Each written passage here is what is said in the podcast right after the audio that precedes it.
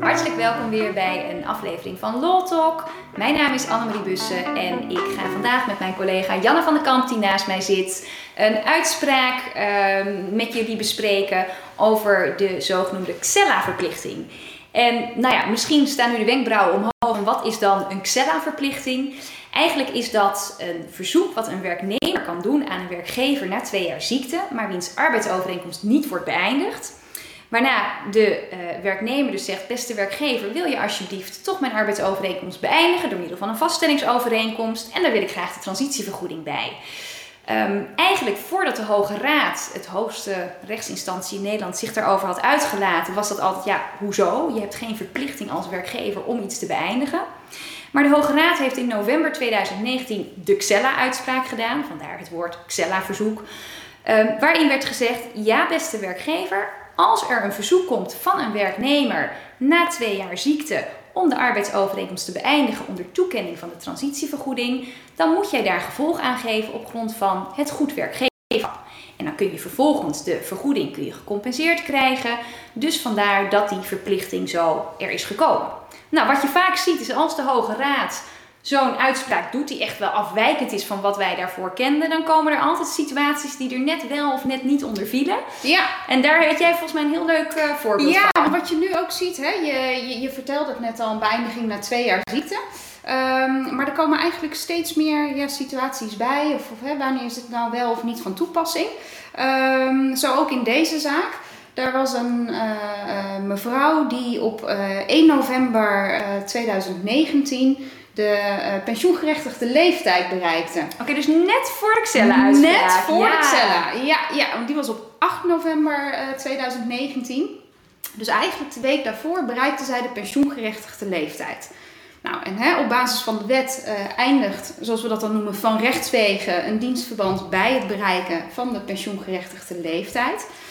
Um, en zij had in de maanden uh, september, oktober, zeg maar eigenlijk vlak voor het bereiken van die pensioengerechtigde leeftijd, had zij de werkgever verzocht om het dienstverband uh, te beëindigen onder toekenning van die wettelijke transitievergoeding. Um, omdat zij ook al inmiddels twee jaar ziek was en dus aan het eind van die twee jaar ziekte zat.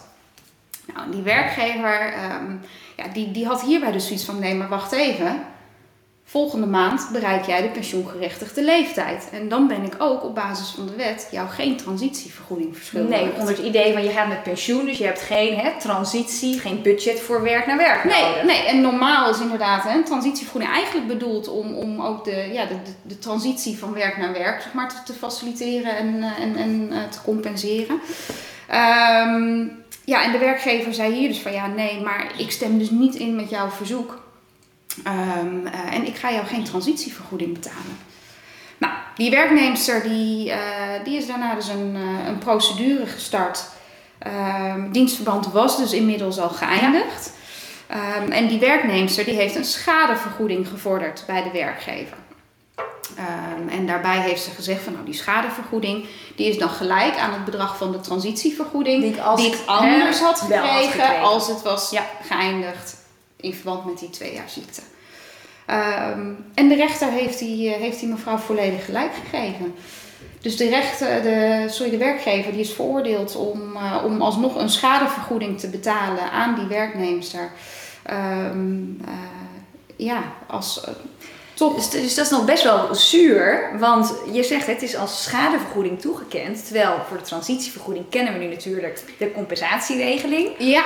En als schadevergoeding heeft een andere rechtsgrond. En voor die mevrouw maakt het niet uit, want zij krijgt nu haar geld. Maar voor de werkgever nee. dus wel, want die krijgt mogelijk bij het UWV te horen. Ja, maar dit is geen compensatie-transitievergoeding. Dit is een schadevergoeding. Dus u krijgt het niet gecompenseerd. Want daar zegt de rechter volgens mij ook gewoon zelf over. Ja, dat, dat, hè, dat komt voor jouw rekening. Ja, dat komt werkgever. Voor... Je had Klopt. aan de verzoeken had je uh, gevolg kunnen geven, maar daar heb je niet voor gekozen. Ja. Nou, sterk nog, de, de, de, werkgever heeft eigenlijk gezegd van... hé, hey, maar op 1 november 2019, toen dus die mevrouw hè, de, de pensioengerechtigde leeftijd bereikte... Um, uh, was die Xella-beschikking er nog niet... Dus ik was nog Hoe helemaal niet verplicht ja. om in te stemmen met haar voorstel om het te beëindigen. Ehm, en uh, de rechter heeft eigenlijk daarvan gezegd van nee, hey, maar die, die compensatieregeling die jij nu net noemde de, de, bij het UWV, um, die is al eigenlijk bekendgemaakt, zoals we dat noemen, is gepubliceerd in het staatsblad al een jaar eerder, al in, 2018. Al in 2018. Dus de werkgever had kunnen weten dat als de werkgever had ingestemd met het voorstel en uh, dus de transitievergoeding had betaald, dat die vergoeding gecompenseerd zou worden door het UWV. Dus dat de werkgever dat niet heeft gedaan, ja, dat komt voor rekening en risico van de werkgever. Nou, dan denk ik dat uh, werkgevers uh, hopelijk nu goed weten wat ze moeten doen als er een verzoek komt. Ook al is het maar één of twee weken voor de pensioengerechtigde leeftijd van een werknemer. Kijk er serieus naar of je inderdaad het te maken hebt met een Xella-verzoek waar je gehoor aan moet geven. Uh, doe je dat niet en heb je een gepensioneerde werknemer die toch de schadevergoeding gaat claimen dan is er toch ook nog wel weer enige uh, licht aan het einde van de tunnel. Want het is ons kantoor in ieder geval gelukt om bij het UWV in de bezwaarprocedure zo'n schadevergoeding toch gecompenseerd te krijgen. Maar wees dus alert in dit soort situaties. Bedankt voor uh, het kijken naar deze Law Talk aflevering en hopelijk tot de volgende keer. Tot dan!